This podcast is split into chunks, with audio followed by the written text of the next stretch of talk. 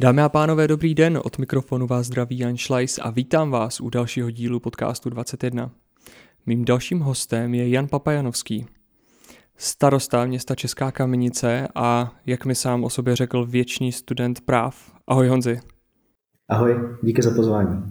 My tenhle rozhovor natáčíme před Vánoci a přijde mi, že řada lidí má v práci schon, snaží se dokončit nějaké projekty, deadliny, všichni chtějí odcházet na svátky s čistým stolem. Tak mě zajímá, jak to probíhá u vás na radnici.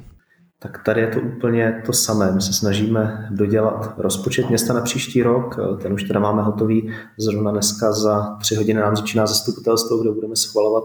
Vyšlo nám to termínové takhle pěkně, pěkně před tím začátkem svátku a zároveň už chystáme věci, které se mají rozjet po novém roce, ale ještě doděláváme věci z letoška, to znamená, vyučtováváme nějaké dotace, dodělávají si inventury, uzávěrky a tak dále, takže eh, ten schon tady je úplně stejný, jako bych řekl, běžné soukromé firmě. Mm-hmm, takže žádná změna oproti tomu, co třeba posluchači můžou znát ze svého života nebo ze svého pracovního života.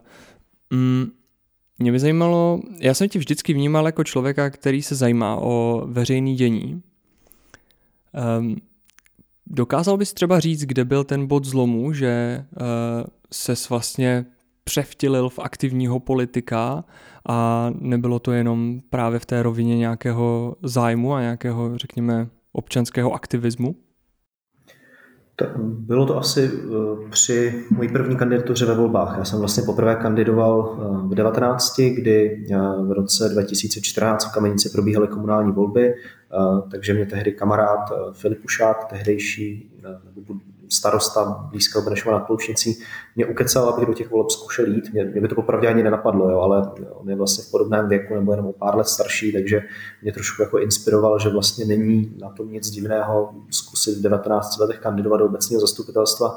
Takže jsme tehdy vlastně dali dohromady nějakou kandidátku a šli jsme do toho a, a to bych řekl, že byl takový ten jako přerod. Jak si říkal, tak já jsem do té doby dělal řadu takových jako občanských aktivit, ale, ale ten okamžik, kdybych řekl, že jsem se stal jako alespoň částečně politikem, členem toho zastupitelstva, tak eh, byl tenhle eh, na plný úvazek jako uvolněný zastupitel, uvolněný starosta, to samozřejmě dělám až od těch voleb v roce 2018, to znamená nějaké tři roky a kousek v tuhle chvíli. Mm-hmm. Mm-hmm.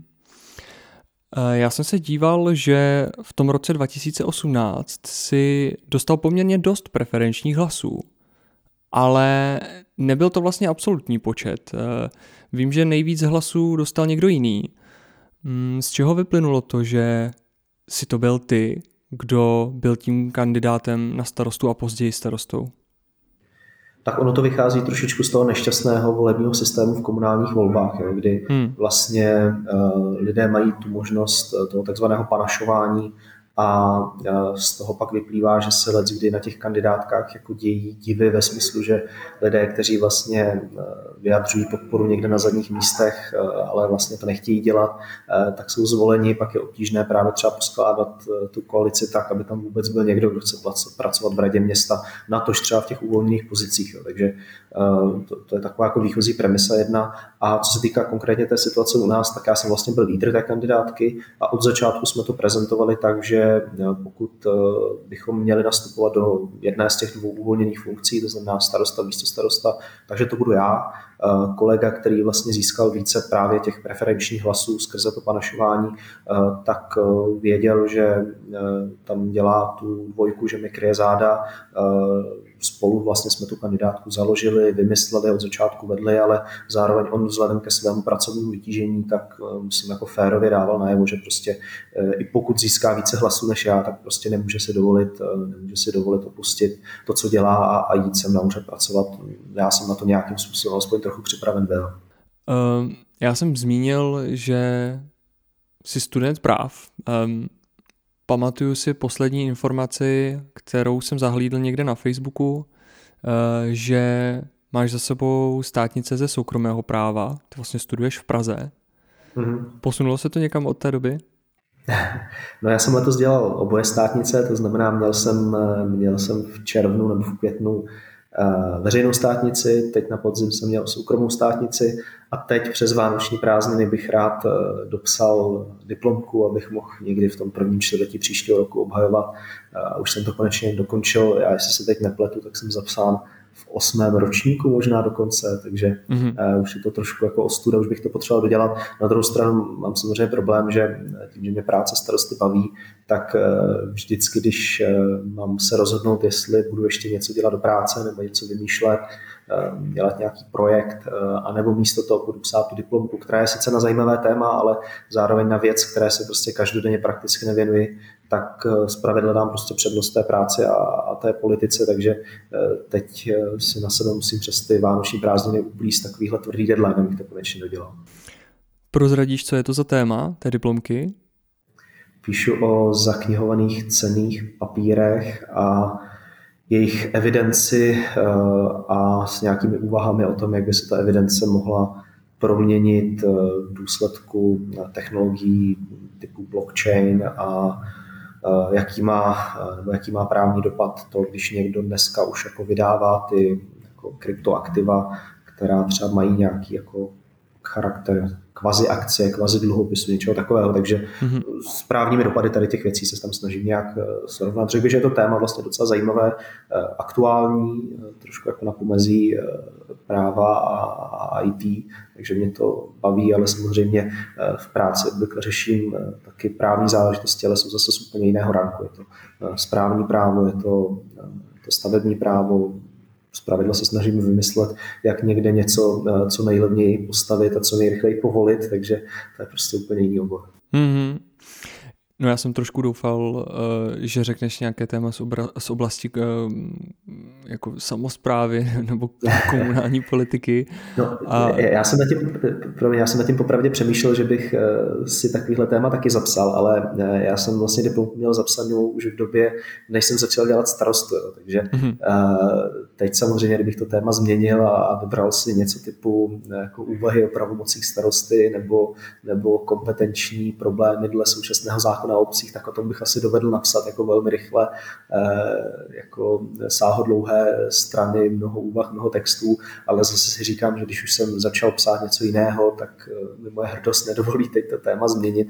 No a zároveň člověk vlastně nikdy neví, eh, jak dlouho tu politiku bude dělat a myslím, že je dobrý mít nějakou odbornost i v jiné oblasti, mít zkrátka prostor se k něčemu vrátit, kdyby náhodou nějaké další volby nedopadly, nebo kdyby by mě zastupitelstvo z nějakého důvodu odvolalo, protože eh, starosta vlastně nevídne ani hodiny, když eh, se domluví osm zastupitelů, tak eh, dneska večer už starostou nejsem a pak je potřeba mít možnost vrátit se tomu, co člověk dělal předtím, protože jinak pochopitelně, když jako člověk jde v té funkci o existenciální záležitosti, o peníze a tak dále, tak mm-hmm. se prostě nerozhoduje svobodně. Jo. To znamená, uh, i z toho důvodu prostě uh, píšu diplomku na něco jiného, chci ty práva dodělat, abych uh, v případě, že tady v Kamenici se bude dít něco, s čím nebudu souhlasit, tak abych mohl říct jako uh, sorry, podívejte se, já tohle tady dělat nechci, jdu se živit něčím jiným.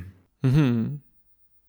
To je, myslím, docela zdravý postoj a zvlášť v té profesionální politice člověk tomu může propadnout, že vlastně, mm. zvlášť když to začneš dělat v tak mladém věku, tak se dostaneš do situace, kdy si nedělal vlastně nic jiného jo, jo, jo. a těžko se hledá v tom civilním světě uh, nějaké uplatnění. Mm. Jak moc, když si začal dělat uh, funkci starosty, tak eh, jak moc si cítil, že ti nějaká znalost práva pomáhá třeba se rychleji zorientovat? Nebo máš za to, že eh, kdyby studoval něco jiného, eh, že by to pro tebe byl stejný průběh jako začátku výkonu té funkce? Ne, ne, určitě ne. To, myslím proto, jak to tady všechno probíhalo po volbách, to, že jsem v té době už měl za sebou čtyři ročníky práv, tak to bylo naprosto klíčové, jo, protože já, já, já popravdě obdivuju všechny starosty, kteří tu funkci dělají, dělají dobře a nejsou právníci, protože e, vlastně třeba úřad naší velikosti jako kamenice máme zhruba 30 zaměstnanců úředníků, pak nějaké další zaměstnance, technické pracovníky a tak dále. To znamená, těch lidí v tom klasickém pracovním poměru je někde, já nevím, mezi 50 a 60 ale stejně tady nemáme žádného právníka vlastně na plný úvazek. Jo. Máme nasmluvané externí právní služby, které jsou, kde, kde ti lidé jsou schopni jako s lečím sporadit, nicméně nejsou tady na té jako denní bázi, nemůžou řešit spoustu denních běžných úkonů. A já si to dost dobře bez toho právního backgroundu představit nedovedu to zejména, kdyby člověk dělal starostu třeba ještě menší obce, kde prostě už ani, já nevím, toho externího právníka ani pořádně jako nemají. Jo. Eh, můžu víc třeba příklad, eh, který eh, jsem řešil po tom, co jsem nastoupil krátce do funkce, tak je to taková ta jako běžná záležitost, jo, kdy starosta jedna hlava úřadu, druhá hlava tajemník vlastně, který je zodpovědný tedy za to, jakým způsobem úředníci na úřadě pracují starostovi, je to vlastně podřízený starosty, šéf úředník. No a oni ti tajemníci, kteří to třeba dělají dlouho, tak potom uh, mají vlastně takovou představu, že, že ten starosta je nějaký jako přívěšek, který jim občas teda zadá nějaký jako zadání drobný, ale že ve výsledku jsou to oni, kdo jako vedou to město. Jo? A, a ti politici, ti politici jenom ať občas uh, jim jako řeknou, že, chci, že chtějí po nich někde udělat nějakou drobnost, ale, ale oni, že vlastně to v té vlastně ve všech záležitostech řídí. No a, a naše třeba jedna z prvních porad, která proběhla právě po mém nástupu na úřad a kde si myslím, že kdybych nebyl právník, tak si s tím nejsem prostě schopen poradit, eh, tak eh, jsem přišel na poradu vedení, eh, poprvé vlastně vůbec, kde seděli všichni že, vedoucí odborů, všichni ředitele městských organizací a, a tam pan tajemník mě na té poradě jako uvítal stylem, tak tady to je náš nový pan starosta, eh, já ho tady vítám na svojí poradě, jo, on je tady jako mým hostem, protože já to tady vedu jo, a pan starosta tady bude poslouchat a, a případně taky řekne nějaké své podněty do toho, co by to město mělo, mohlo dělat a tak dále. Takže eh, já jsem samozřejmě tam tomu tehdejšímu bývalému panu tajemníkovi, který tady už dneska nepracuje, tak jsem mu, tak jsem mu řekl, ne, ne pane tajemníku, takhle to prostě není, podle zákona obcích eh, stojí v čele obecního úřadu eh, starosta města, vy jste mu i podřízený pracovně právní, takže tady tu poradu budu teď vést já a pokud s tím máte nějaký problém, tak pak si se mnou můžete domluvit schůzku a proberem to u mě, eh, u mě v kanceláři. Jo. Ale, což ale člověk může udělat, když si jako je jistý v kramflecích, jo. když prostě tuší, jaká ta právní úprava skutečně je a, a navíc oni ten jako obecný úzus, bych řekl, i mezi starosty je takový, že ti tajemníci vlastně si můžou dělat jako co chtějí, jo? Že, že, že, ti starostové opravdu tam jsou jenom někdy jako ten přívěsek, protože když pak člověk jako poslouchá nějaké příběhy typu, že, že vlastně eh, jako tajemníci eh, starosty vydírají, že neudělají tohle, tohle, odmítají jako plnit explicitně udělané pokyny, jo, tak mě to přijde až neuvěřitelný, ale, ale, ale dovedl bych si představit, že se s něčím podobným budu tady setkávat i já a že vlastně nikdy to město jako nezačnu řídit, kdybych nešel s nějakým právním backgroundem a nevěděl teda, jaká ta právní úprava je a, a co můžu a co nemůžu, jo, a, jak ty kompetence jsou prostě nastavené. Takže to je jako jedna velká, bych řekl, výhoda. No a druhá výhoda je, že eh, druhá taková oblast, eh, kde jsem to třeba zaznamenal velmi výrazně, je oblast eh, řízení investic nebo investičního procesu, což souvisí že s nějakým vyřizováním dotací, žádostma o dotace, vyhodnocováním, administrací těch věcí. No a tam jako panuje neuvěřitelná právní džungle v České republice, jo, kdy každý ten poskytovatel si v každé svojí výzvě z pravidla i, i procesní postupy nastavuje úplně jako jinak jo, a, a je to prostě, je to prostě jako jeden velký galamatiáš. No a Uh, nám se tady v tom daří, bych řekl, relativně úspěšně jako proplouvat, ty dotace získávat, ale zase jsme kdy schopni jít s tím poskytovatelem, s tím ministerstvem, už to máme za sebou několikrát třeba ve vztahu k ministerstvu pro místní rozvoj, jsme schopni s nimi jít do konfliktu, když oni prostě o něčem rozhodnou. Eh, a, a my jim jako řekneme, no hleďte, ale jako řízení o dotaci, sice to, to je normálně jako nějaký správný řízení, jo, na to se, na to se jako minimálně uplatňují zásady, které ve správním řádu jsou a, a, a vy prostě nemůžete, když my vám tam pošlem podklad, kde vám něco sdělujeme a vy na základě toho nám to dotace máte přidělit, tak vy nemůžete říct, jako no ten podklad sice přišel, ale my zavíráme oči a, a jako nevíme o tom, že tady je. To se pak vystavujete prostě riziku nějakého právního postihu, jo, že neoprávněně naopak někomu jinému třeba tu dotaci přidělíte. Jo, takže to je taková druhá oblast, kde si myslím, že tahle, tahle moje orientace byla městu velmi, velmi teda ku prospěchu. No. Ty jsi mluvil o tom, že nemáte mm, interního právníka. Já chápu, že vlastně v tomhle ohledu, jak ty si sám popsal, tak eh, spoustu té agendy si vyřídíš sám nebo uh, nějakým způsobem uh, nastuduješ tu problematiku sám, ale uh, je třeba tahle pozice něco, co byste do budoucna chtěli obsadit, nebo že už jste v minulosti chtěli obsadit a, a nelze to? Hmm. No a asi spíš ne, protože e, problém by samozřejmě byl v penězích, jo, že e, kdybychom chtěli někoho takhle jako interně zaplatit, e, aby tady prostě celý den seděl, tak se dostáváme někam úplně mimo, mimo jako tabulky, což což samozřejmě lze, ale na druhou stranu ani vzhledem třeba k kolegům ostatním, kteří tady na úřadě pracují, to není úplně kolegiální a lidé tady jako hodně řeší, eh, kdo, co, jo, kolik a tak dále, takže eh, takové jako citlivé téma, to je jedna věc. A druhá věc je, že, že ani vlastně nevím, nevím, jestli by se tady ten člověk třeba na celý úvazek jako uživil, jo.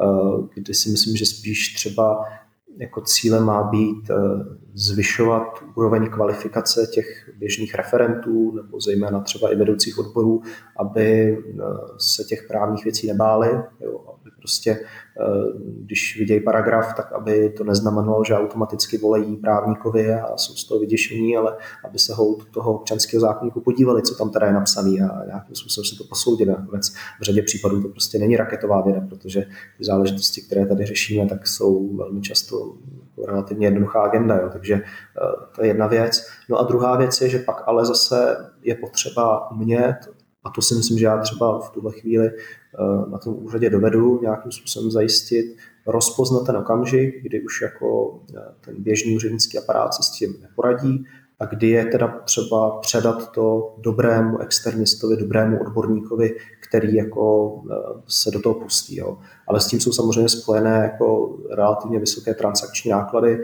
ve smyslu, že když se teda rozhodnu, že nějaký ten případ, nějakou tu záležitost k posouzení předám tomu externímu právníkovi, tak je to zdlouhavý a drahý, protože a drahý ne ve smyslu, že to stojí nějaký peníze za právní služby, ale že, že musím k tomu znova dát dohromady všechny podklady, musím to celý nějak zpracovat, strukturovat, popsat, aby to ten člověk, který vlastně nemá vhled do té odborné problematiky, tak aby byl schopen to jako pochopit a poskytnout tu právní radu. To znamená, je tam pak potřeba jako rozlišovat tu míru toho, kdy se mi jako vyplatí ještě eh, se to snažit si vyřešit jako sám, eh, tady interně, a kdy už jako stojí za to věnovat jako x, x minut, hodin času tomu, že dám dokupy podklady a pošlu to někomu, kdo mi zpracuje nějaké řešení. Jo. Takže a, a, v hledání tady ty míry si myslím, že, že jako důležitá třeba tady na úřadě moje role jako člověka, který, který prostě umí rozpoznat, co už si zasluhuje to, aby tam někdo udělal odbornou rešerši, aby prostě se pohrabal v judikatuře a tak dále, a tak dále.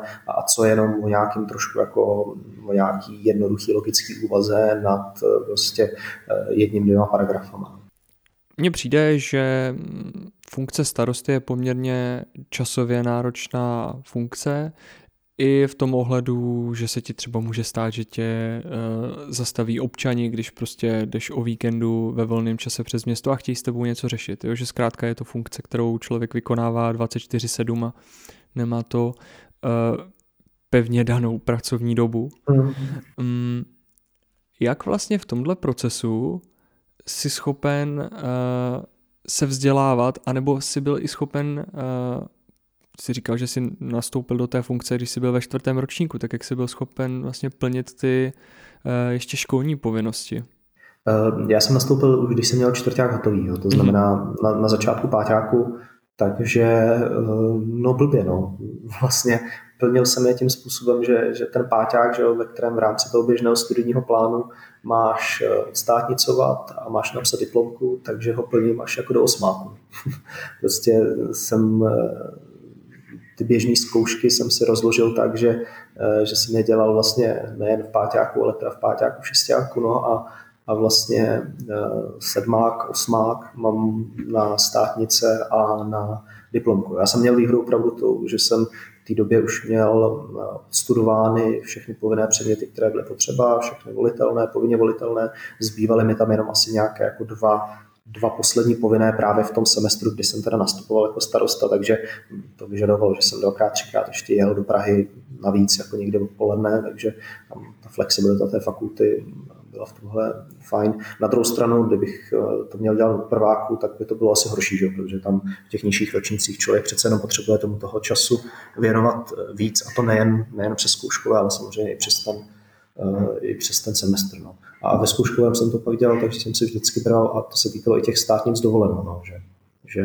jsem si vzal dovolenou, vždycky jsem to měl rozdělené na takové dva úseky dovolená, část dovolené, kdy jsem ještě byl na příjmu, v smyslu, že jsem úplně jako nevypnul telefon, ne, nezavřel mail, ale uh, tím, že eh, jako té práce je hodně, tak, tak já nevím, týden poslední, třeba před těma státnicema jsem fakt musel mít vypnutý telefon a, uh, a se reagovat včera, když jsem nebyl schopen učit. Jo množství nějakých hovorů, zpráv a tak dále.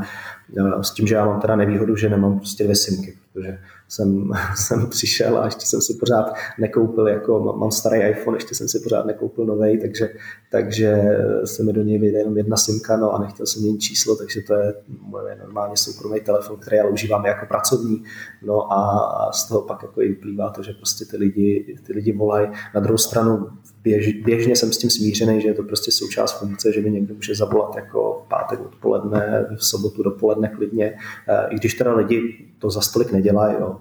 Jenom občas se mi stávalo, že třeba lidi mi volali eh, z městských bytů, že jim tam teče a že to potřeba řešit, což jsou asi jako krizové situace, na který je potřeba nějak reagovat. No. Mm-hmm. No a když se zeptám na vzdělávání mm, profesní možná, prostě zkrátka, aby se udržel v eh, obraze, co se týče výkonu té funkce, tak mm, jak seš tohle schopen vlastně vsunout do toho svého pracovního dne? No, já, já myslím, že vlastně jako nebo nevím, co si úplně představit pod tím profesním vzděláváním starosty, jo, protože já myslím, že já třeba osobně se učím primárně tou prací, jo, že, mm-hmm. že uh, každá nová jako situace, do které se v práci dostanu, tak, uh, tak mě něco naučí, jo, protože to se vlastně nedá nařízení města a nařízení nějakého týmu lidí tedy na úřadě, na koordinaci činnosti zastupitelstva, na to se dost dobře jako teoreticky připravit nedá. Samozřejmě jsou to ty, ty právní věci, které jsem zmiňoval, ale, ale na, na, na takovéhle věci jako manažerského charakteru, tak um, tam se prostě učím za pochodu. No a potom, a potom se snažím, snažím číst, no, snažím se sledovat, snažím se sledovat já nevím, aktuální dotační příležitosti, snažím se sledovat dění okolo nového stavebního zákona. Jako běžně, běžně zajímá mě třeba otázky digitalizace, jo, takže já nevím, když někde vidím článek o tom, co se kde bude digitalizovat, já nevím, co se děje kolem elektronických občanek, kolem bankovní identity a kolem portálu občana a podobných záležitostí, tak tomu se třeba jako věnuju cíleně, že, že si to jako hlídám. Byť náš úřad tady v té oblasti ještě nějak zvlášť nepostoupil, protože prostě eh, ty řešení jsou zatím pro naši velikost relativně drahý, softwarový, eh, takže jsme se nikam nepohli, ale tohle, v tomhle se třeba snažím mít jako přehled, bych řekl, ještě jako lepší než na průměrný. No. Mm, mně přijde Kamenice jako strašně hezký město. Mm, pro naše posluchače můžu jedině doporučit, když se vydáte na Děčínsko, eh, nebo do Národního parku České Švýcarsko, tak eh, se zastavte v Kamenici, projděte si to tam. Ale vždycky jsem taky vnímal, že to je vlastně relativně malý město a proto mě strašně zaujalo to, že vy máte městského architekta a snažíte se nějakým způsobem kultivovat veřejný prostor.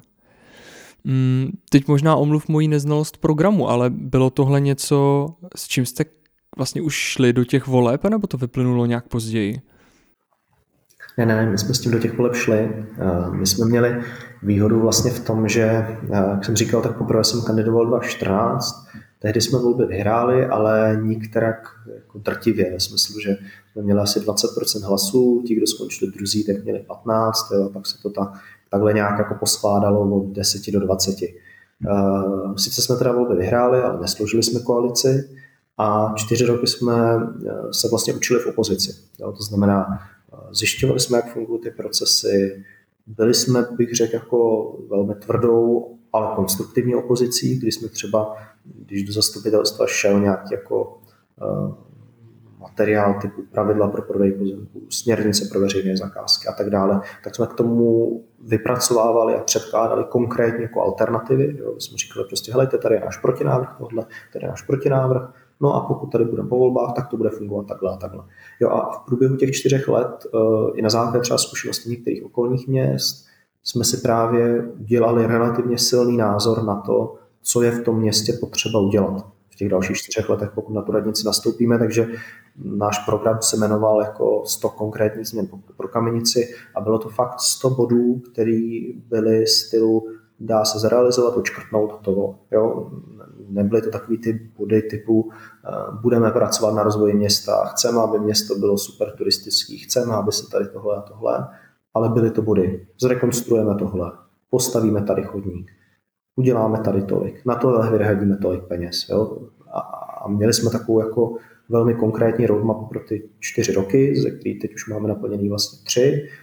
Děláme si pravidelně každý rok vyhodnocení plnění toho programu, teď jsme někde na nějakých 72% splněno, asi 25% je v nějakém řešení a nějakých 6-7% bodů jsme ještě nezačali řešit, protože se buď později ukázalo, že z nějakých vnějších okolností jsou nerealizovatelné, anebo, anebo jsou zatím třeba skryty příliš velké náklady, které jsme od začátku neuměli odhadnout, tím, že jsme ještě neměli přece jenom v některých ohledech tak detailní znalost fungování města. No a třeba právě zřízení pozice městského architekta je něco, co jsme věděli, že chceme od začátku takže se nám i relativně podařilo právě výběrové řízení, protože jsme ho začali řešit 14 dní po volbách. Protože já jsem tušil, že když přijdou nové jako garnitury na radnice, tak eh, se snaží, uh, snaží že ho začít realizovat ty své priority no a, a začnou hledat nový právníky, nový městské architekty, nový tajemníky a tak dále. Takže my jsme se všechny tady ty procesy snažili dělat co nejrychleji, abychom byli první z okolí, kdo bude hledat městského architekta a tím pádem jsme měli nejvíc na výběr vlastně. Jo. Takže uh, takže začali jsme brzo no a městský architekt tady dneska funguje už dva a půl roku, nebo dva, dva tři čtvrtě roku možná a mm, řekl, že má za sebou skvělé výsledky. No. Já jsem viděl, že v plánu jsou některé, já bych řekl možná větší projekty. Uh, viděl jsem nějaké vizualizace na rekonstrukci kina, což není vlastně úplně malá budova mm. a souvisí s tím i vlastně prostor před kinem, který taky není uh, nejmenší tak mě zajímá, jak vlastně tohle je snadný realizovat, ať už částečně z vlastních peněz nebo z nějakých dotací pro město vlastně vaší velikosti. Zkrátka prostě ty rozpočty nejsou nafukovací. No, eh, snadný to není vůbec, protože eh, peněz eh, máme málo samozřejmě.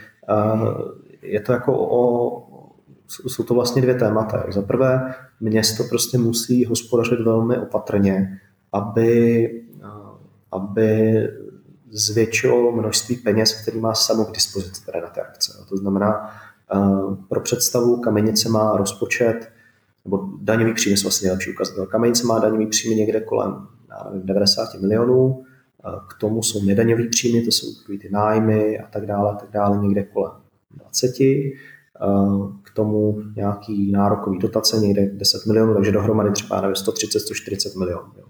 A z tady těch 130-140 milionů my jsme schopni každý rok vzít, dejme tomu 30, 35, podle toho, jaký je rok, použít na nějaký volný, po nějaký volný úvaze na realizaci právě tady těch věcí. Jo. Mm-hmm. Ale to samozřejmě je hrozně málo, protože když si vezme, že rekonstrukce kina bude stát 80 milionů, nový domov prostě 50, tak eh, kdyby vzal všechny své peníze a celý volební období je dával do těch dvou projektů, tak neuděláš nic jiného, neopravíš nikde žádný asfalt, žádný chodník a tak dále. Takže potřebuješ vlastně zapojit eh, zdroje externí, to znamená eh, já nevím, ideálně z každé koruny, kterou máš k dispozici, udělat dvě, dvě, dvě a půl koruny tím, že, že, že zapojíš nějaký dotační financování. Jo. U nás se to takhle daří, že, že třeba v letošním roce máme investice někde kolem 80 milionů korun a s tím, že ten vlastní zdroj, ty vlastní peníze, které do toho jdou, tak letos jsou někde právě kolem těch jako 30 nebo přes 30. Jo. Takže, uh, takže díky tomu se to daří. Samozřejmě nevýhoda je, že člověk se musí jako tou džunglí těch dotací trochu jako snažit proklestit. Ne vždycky ti to vyjde zrovna na tu věc, kterou potřebuješ, jo, takže musíš tak jako přeskupovat, měnit ty své priority. No a zároveň, když se vrátím na začátku, jako potřebuješ neustále se snažit jako optimalizovat chod toho města, aby ty vlastní zdroje neklesaly a naopak postupně jako narůstaly, jo? protože eh, já nevím, a mělo by to tak být, protože když opravuješ městské baráky, měníš kotelny, zatepluješ, měníš okna, instaluješ fotovoltaické panely a děláš všechny takovéhle věci, tak ty by měly generovat úsporu. Jo? A ta úspora znamená, že se ti zlevní provoz a zbyde ti víc na ty investice. Jo? Takže uh, takhle by to mělo fungovat. A samozřejmě Eh, občas do toho přicházejí jako externí šoky, se kterými se musíme vyrovnávat. Zpravidla to bývá buď jako stát se jako rapidním růstem mest, který byl v posledních letech, eh, ne teda vlastně za covidu už ne, ale v těch letech předtím prostě rapidně ve veřejné správě rostly mzdy, což, což jako vyvolávalo to, že město sice narůstaly daňové příjmy, ale zároveň vlastně cokoliv navíc, co jsme dostali na státu, tak de facto bylo spotřebovaný jenom na to, abychom zákonem stanoveným způsobem valorizovali platy. Jo. Eh, takže to je, to je jako jeden problém, ten nějaký externí šok. No a druhý externí šok, který přišel teď, jsou ty energie. Jo, kdy, kdy na meziročně náklady na energie napříč městem vzrostly z nějakých 6 milionů v letošním roce na milionu 12. Wow. Takže, takže teď, na, teď na to prostě reagujeme nějakým způsobem, že tady na úřadě se propouští, škrtají se nějaké úvazky, to samý v nějakých dalších podřízených městských složkách a, a, a je to jako nikdy nekončící boj, jo, protože tady ti náklady narostou, protože prostě tohle, tohle, no tak tady zase musíš koukat, aby si snížil, protože prostě jinak, jinak eh, se dostaneš do spirály, ze který už není eh, cesta ven. A je pravda, že některé města, zejména tady v těch periferních regionech, kde se lidi odstěhovávají, tak eh, se dostávají do situace, že prostě už eh, z těch svých běžných příjmů nejsou schopní skoro ani vygenerovat dostatek peněz na to, aby ufinancovali svůj provoz. No a my si snažíme dávat si velký, provoz, velký pozor na to, abychom se do té situace nedostali. Zatím se nám to tam teda daří, no, ale je to prostě při sestavování rozpočtu každý rok jako velmi nepříjemný. No. Na té příjmové složce projevil se nějak COVID a e, ta opatření v souvislosti s tím, jo. protože já si pamatuju, že řada starostů uh, vlastně říkala, že to pro ně není dobrá situace. Uh, teď jsem zpětně četl, že v řadě obcí se to neukázalo tak vlastně dramatický, tak uh, jak to bylo u vás? Hmm. No, dramatický to nebylo, ale dramatický se to zdálo být původně, jo, protože jak se vlastně postupně schvalovali ty všechny záchranné balíčky, do toho ještě zrušení, že to je super hrubé mzdy, za to nějaká kompenzace obcím, tak vlastně všechno to bylo jako velký bordel. A obce prostě nevěděli do poslední chvíle, z kolika peněz můžou vždycky za první rozpočtu na letošní rok a v rozpočtu na loňský rok počítat. Jo. Takže, takže eh, spíš než, že by ten výpadek byl tak jako výrazný, tak hrozně vzrostla nějaká míra nejistoty, eh, řadě obcí podle mě nebyla ochota rozhodovat, eh, jít do nějakého rizika, eh, takže se někde mohlo třeba i stát, že pak to dopadlo lépe a peníze zbytečně ležely na, na účtu ladem. Jo. Eh, což my jsme se snažili v Kamenici jako nenechat to takhle dopadnout, ve smyslu, že když jsme se dozvěděli, že ten třeba letošní rok je lepší, než jsme očekávali, no tak pak jsme zase některé akce, které jsme teda složitě vyškrtli z rozpočtu, tak jsme je pak znova do něj vraceli, jo. Ale, ale zase to jako, když chceš zrekonstruovat chodník, tak to není o tom, že řekneš, dávám na to peníze, vracím na to peníze, že je to o nějakém potom jako celém, celém investičním procesu, který se musí rozjet a, a nejde, nejde udělat jako stejně na týden. Takže v tomhle, v tomhle to byl jako spíš bych řekl větší problém, i když samozřejmě o penězích to taky trošku je, Myslím si, že nebýt covidu, tak eh, že pro kamenici to dělá třeba 5 milionů ročně na daňových příjmech kvůli covidu, který jsme nedostali, no ale každý rok. Jo, to znamená, eh, vlastně covid že začal v roce 2020, to znamená 2020 o 5 milionů dolů, 2021 o 5 milionů dolů, 2022 o 5 milionů dolů. Takže za volební období je to nějakých třeba 15 milionů a my jsme samozřejmě na tohle měli nastavený nějaký náš investiční plán. Takže ten třeba nedožene. Jo? Ten prostě v některých ohledech zůstane nenaplněný, protože, protože ty peníze budou chybět. No. A teď samozřejmě řešíme problém inflace, kdy, kdy sice jako nominálně nám daňový příjmy třeba v příštím roce porostou velmi výrazně, protože stát nám na daních pošle těch peněz hodně, protože eh, jako v korunách se toho asi vybere dost, ale problém je, že si za, toho, že si za to koupíme stále méně. Takže rapidně rostou, jak jsem zmiňoval, ty energie, rapidně roste cena stavebních prací, jako běžných záležitostí, takže, takže to teď jako nej, nejdřív byl covid a propad daňových příjmů, teď daňový příjmy jako pěkně porostou, no ale porostou nejspíš jako až moc pěkně, kdy, kdy prostě ta inflace je děsivá.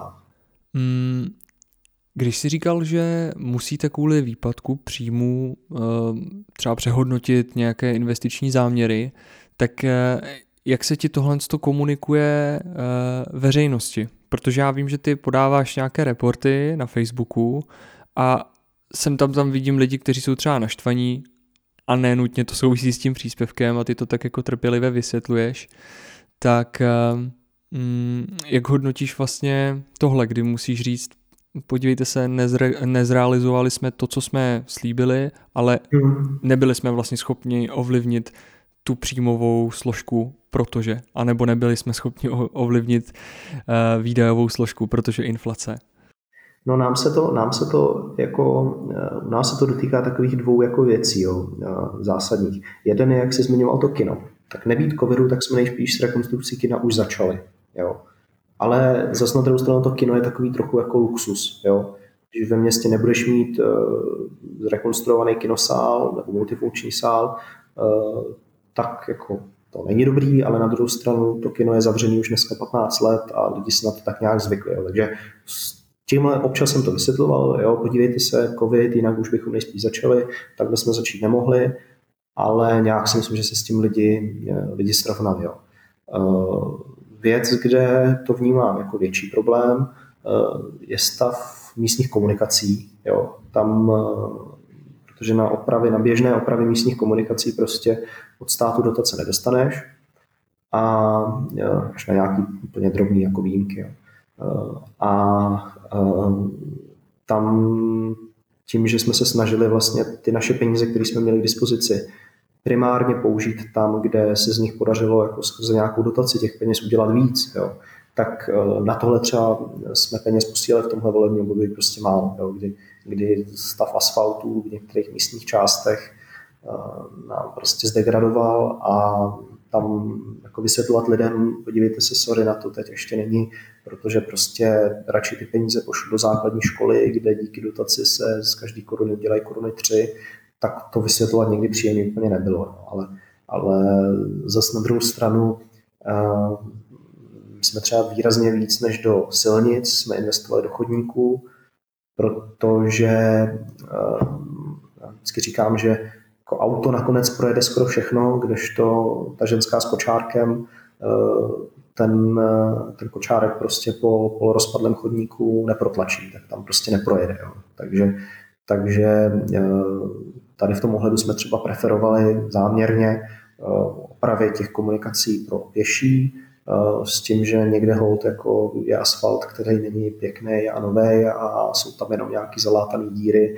i když by někteří řidiči byli radši, kdyby tam prostě byl nový potah, no ale, ale, ale v tom, takže to je třeba taková oblast, kde mi jako bylo líto, že těch peněz nebylo dost, musel jsem to vysvětlovat a kdyby nebyl covid, tak bychom asi, co se týká tady těch jako běžných investic, údržby, komunikací, toho dělali víc. No. Mm-hmm. Ty jsi zmínil jeden, abych řekl, fenomén a to je vylidňování. Uh, ostatně já bych řekl, že my dva jsme toho částečně důkazem v tom ohledu, že prostě někam uh, odejdeš studovat a v mém případě tam zůstaneš, ve tvém případě se vlastně vrátíš. Mm. Mm, já jsem četl zajímavý rozhovor, kde si vysvětloval vaší mm, abych řekl možná čtvrť, kde jste vlastně udělali územní studie a nabízíte tam pozemky k prodeji. A doufám, že ti nevkládám do úst něco, co si neřekl, ale myslím, že tam zaznělo, že vlastně pro řadu lidí, kteří se chtějí vrátit, anebo z nějakého důvodu se chtějí mm, přesunout na sever Čech, tak chcete, aby Kamenice pro ně byla tou volbou eh, číslo jedna. Hmm. A mě teď zajímá, kromě teda toho, že nabídnete třeba pozemky za rozumnou nebo atraktivní cenu, jak se jako ještě dá ve městě vaší velikosti zvýšit tu atraktivitu, aby si lidi řekli, jo, my tady prostě chceme, chceme být a tady se chceme usadit? Hmm. No, uh, to jsou jako dvě sady, nebo tři takový okruhy, jo. to zase měl nějak strukturovat. Uh, jeden, jedna záležitost je ta, kterou neovlivníš, a to je kvalita nějaký navazující infrastruktury typu dopravní spojení do okresního města, krajského města do Prahy, který je nějak daný, starosta s tím nemůže udělat v zásadě nic. A v případě Kamenice si myslím, že je relativně slušný, jo? Že, že je to město někde eh, pro, pro posluchače, kteří se tolik neorientují, je to město, které leží na polovině cesty, cestě, cesty mezi Ústím. Libercem, do Prahy je to odsud, do, když jezdím, když jezdím někam do Kobylys, kde parku, tak je to odsud jako hodina 20 autem, jo. takže uh, relativně vlastně, relativně vlastně slušná dopravní dostupnost. Jo. To je jedna věc. Uh, pak je to příroda, kterou taky neovlivníš a kde si myslím, že Kamenice to taky může nabídnout hrozně moc, ve smyslu, že máme odsud 5 km do Národního parku Český Švýcarsko, ale zároveň se tu ještě dá bydlet, jo, protože stavět dům přímo v Národním parku je výrazně složitější, než ho stavět u nás těsně za hranicí Národního parku, kde je to všechno skoro stejně krásný, nebo možná v některých ohledech krásnější, ale je tady jenom očko. To znamená, ta regulace tady není tak přísná v některých ohledech a zároveň těch stavebních parcel je tady prostě dostupných víc. Jo. Ale to jsou věci, který, se kterými nic jako neuděláme. Věci, se kterými něco můžeme udělat, je eh, dostupnost eh, infrastruktury místní, a zejména takový, která je prostě extrémně důležitá pro lidi, co zakládají rodiny. Jo. Protože to je ta naše cílová skupina. No a pak se bavíme o mateřských školkách, nebo ještě níž o nějakém rodinném centru, jo.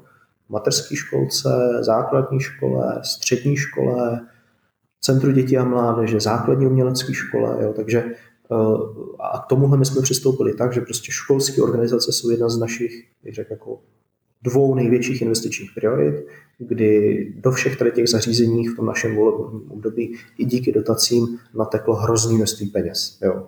A, a prostě školka, která předtím byla nezrekonstruovaná, nefunkční topení, nevyměněný okna, nefunkční kanalizace a tohle a tohle a tohle, tak všechno tohle jsme postupně začali dávat dokupy. To samý základní škola, jedna budova, druhá budova, gymnázium, já nevím, letos jsme třeba dělali tři evropské projekty, kde se tam jenom nakoupilo vybavení na výuku fyziky, chemie, eh, jazykových předmětů se za 2,5 milionu. Jo, nevím, model parního stroje prostě a takovýhle jako eh, obráběcí stroj programovatelný pro děti, co tam mají nějakou řemeslnou výuku. Spousta jako skvělých věcí. A myslím si, že dneska tady máme jako školy, které jsou eh, na úrovni na úrovni prostě okresního krajského města, jo? Že, že, že jako ta kvalita toho školství je tady teď velmi dobrá. Uh, takže to je taková jako důležitá druhá oblast, kde, kde, toho ale jako můžeme hodně udělat jako město. S tou kvalitou místní infrastruktury samozřejmě souvisí i nabídka těch pozemků pro bydlení nebo naopak bytů. My jsme zatím pracovali na pozemcích, že pozemky docela už máme, pracujeme na dalších a teď se chceme začít věnovat ještě bytové výstavbě, že ne každý chce prostě bydlet eh, s rodinou, rodinným domku, ne každý se ho chce stavět, udržovat a tak dále.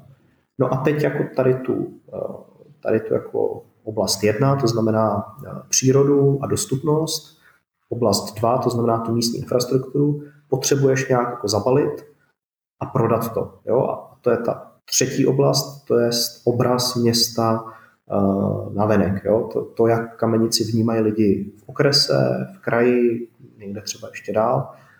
A i tady se na tom snažíme pracovat a je to o tom, že já jako starosta komunikuju, je to o tom, že máme facebookové stránky, je to o tom, že mm, děláme řadu projektů, které jsou zajímavé, bych řekl, jako celostátně. Jo. Obnovujeme spoustu historických atraktivit, eh, já nevím, rozvíjíme turistické trasy a, a o kamenici se myslím docela ví, o kamenici se píše a, a, a ty lidi pak, když jako přemýšlejí, kam bych tak mohl, jo, tak uh, prostě vědí, že je to město, který se nějak jako stará, je nějaký atraktivní a má prostě dobrý jméno. Jo. A pokud jedna z tady těch třech věcí by nefungovala, tak pak podle mě celý ten recept uh, je odsouzený k neúspěchu. Jo. Ve chvíli, kdyby si jako mělo město, který by mělo výbornou místní infrastrukturu, výborně se ji snažilo prezentovat, ale prostě jel si tam z Prahy tři a půl hodiny a, a poblíž nebylo žádný větší město s pracovními příležitostmi, tak si myslím, že ti to jako nepomůže stejně. Jo? A, a naopak, pokud budeš mít město, který prostě jako bude, bude sice dobře dopravně dostupný a, a já nevím, hezká příroda okolo, ale prostě do školy se tam lidi budou bát dávat děti, protože prostě ředitele tam dělá nějaký starý ložrala nebo něco, tak, tak to taky fungovat nebude. Jo. Takže, takže, a nebo naopak, pokud budeš skvělý a všechno dělá dobře, ale budeš se odmítat bavit s novinářem a budeš odmítat komunikovat a nikdo o tom nebude vědět, no tak ti je to taky na. Takže, takže takhle bych to asi popsal. No. Ještě mě zajímá jedna věc a to je, mm, já jsem to vlastně neřekl, ale uh, já ty místní poměry tam trošku znám, protože jsem vlastně v Kamínci chodil na základní školu, bydlel jsem ve vesnici vedle, která už je teda shodou okolností v jiném kraji, v Libereckém, ne v Ústeckém. A přijde mi, že se uh, hodně často vždycky mluvilo o tom, jestli má smysl na tak malém městě, jako je Kamenice, provozovat gymnázium, který ty si zmínil. Mm, je to třeba ještě něco, co je pro vás jako téma, mít, nemít, nebo už je to prostě vyřešený s tím, že ho máte a snažíte se ho dál rozvíjet? No, ono se to řešilo v minulosti, kdy já jsem se v Kamenici začal jako občanský aktivista, řekněme, angažovat v tom, eh, v boji za to, aby to gymnázium nebylo zrušený. Eh, takže můj názor je takový, že tady ten Gimpo smysl má. Uh, ona jeho, jeho specifikou spočívá v tom, že je zřizovaný městem, jo, což není úplně obvyklý, protože střední školy nebo i osmiletý gimply z pravidla zřizují kraje. A ty krajské gimply jsou jedním, krajský gimpl je vždycky jednou z 50, 80 středních škol v tom daném kraji. My tady máme tu střední školu jednu a je naše a v tom si myslím, že je jako významná výhoda pro tu školu. Díky tomu, že ten link mezi, mezi školou a zřizovatelem jako neuvěřitelně úzký a, a zvládáme jako komunikovat, řešit problémy, rozvíjet tu školu způsobem, jakým podle mě ty krajské školy fungovat nemůžou, protože prostě vždycky budou jednou z 80 škol, kam se krajský radní pro školství dostane jednou za, za funkční období. Takže, takže e, v tom, že prostě jsme schopni tu školu finančně, projektově, jakkoliv jinak prostě podpořit, jako velmi rychle, velmi cíleně, eh, dělat projekty, nevím, spolupracovat na spoustě dalších věcí s ředitelem té školy, tak to si myslím, že je velká výhoda. A druhá věc, na který bychom chtěli pracovat do budoucna, zatím ještě jsme se tou cestou úplně nevydali, ale chtěli bychom, je to, že tu školu bychom rádi specializovali. Jo, kdy my jsme třeba měli v našem programovém prohlášení nedostalo se to pak, nebo v našem programu nedostalo se to pak bohužel do programových prohlášení rady. No. Jako jedno z těch příliš odvážných věcí zatím, ale, ale třeba v dalším volebním období uvidíme. Já bych byl rád, kdyby ta škola eh, tím, že má takovýhle jako úzký vazby na zřizovatele a finanční podporu a metodickou podporu, kterou jiné školy nemají, tak kdyby se začala transformovat ve školu bylingní. Mm-hmm. Chtěl bych, aby prostě eh, tady ten Gimpl se stal Gimplem česko-německým, s tím, že pak může plnit už nejen roli nějakého jako regionálního centra vzdělanosti, ale natahovat sem lidi nevím, ze tří okolních krajů, včetně nějakého třeba internátního e, způsobu bydlení potom pro ty studenty, ale tam jsme se k té realizaci zatím nedostali. No a zase výhoda je, že, že e, pokud to bude znamenat, že ta škola bude muset dostat ročně, já nevím, 2 miliony korun navíc na provoz, aby, aby zaplatila německy hovořící učitele, nevím, jo, spíš tak jako fabuluju, tak eh, když za námi jako zřizovatelem přijde, no tak my řekneme, no tak jo, klidně nám to za tu jednu naši školu prostě stojí. Jo.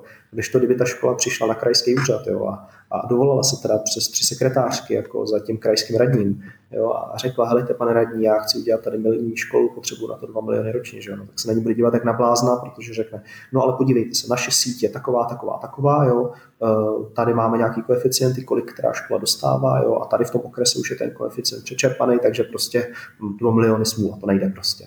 Jo, takže, takže v tom individuálním přístupu, jak té samotné školy ke studentům, protože je relativně malá, tak nás jako zřizovatele k ní si myslím, že, že se nabízí jako významná výhoda a významný jako prostor pro další rozvoj. Myslím, že já osobně bych byl rád, kdyby se ta škola vydala tím směrem, kterým jsem teď popsal. Jo. Ale možností je samozřejmě jako víc, jo. ale myslím si, že nějaká právě taková jako specializace, snaha být jiný než ty velký krajský gimply, eh, nabízí, nabízí do budoucna největší prostor pro další rozvoj. No.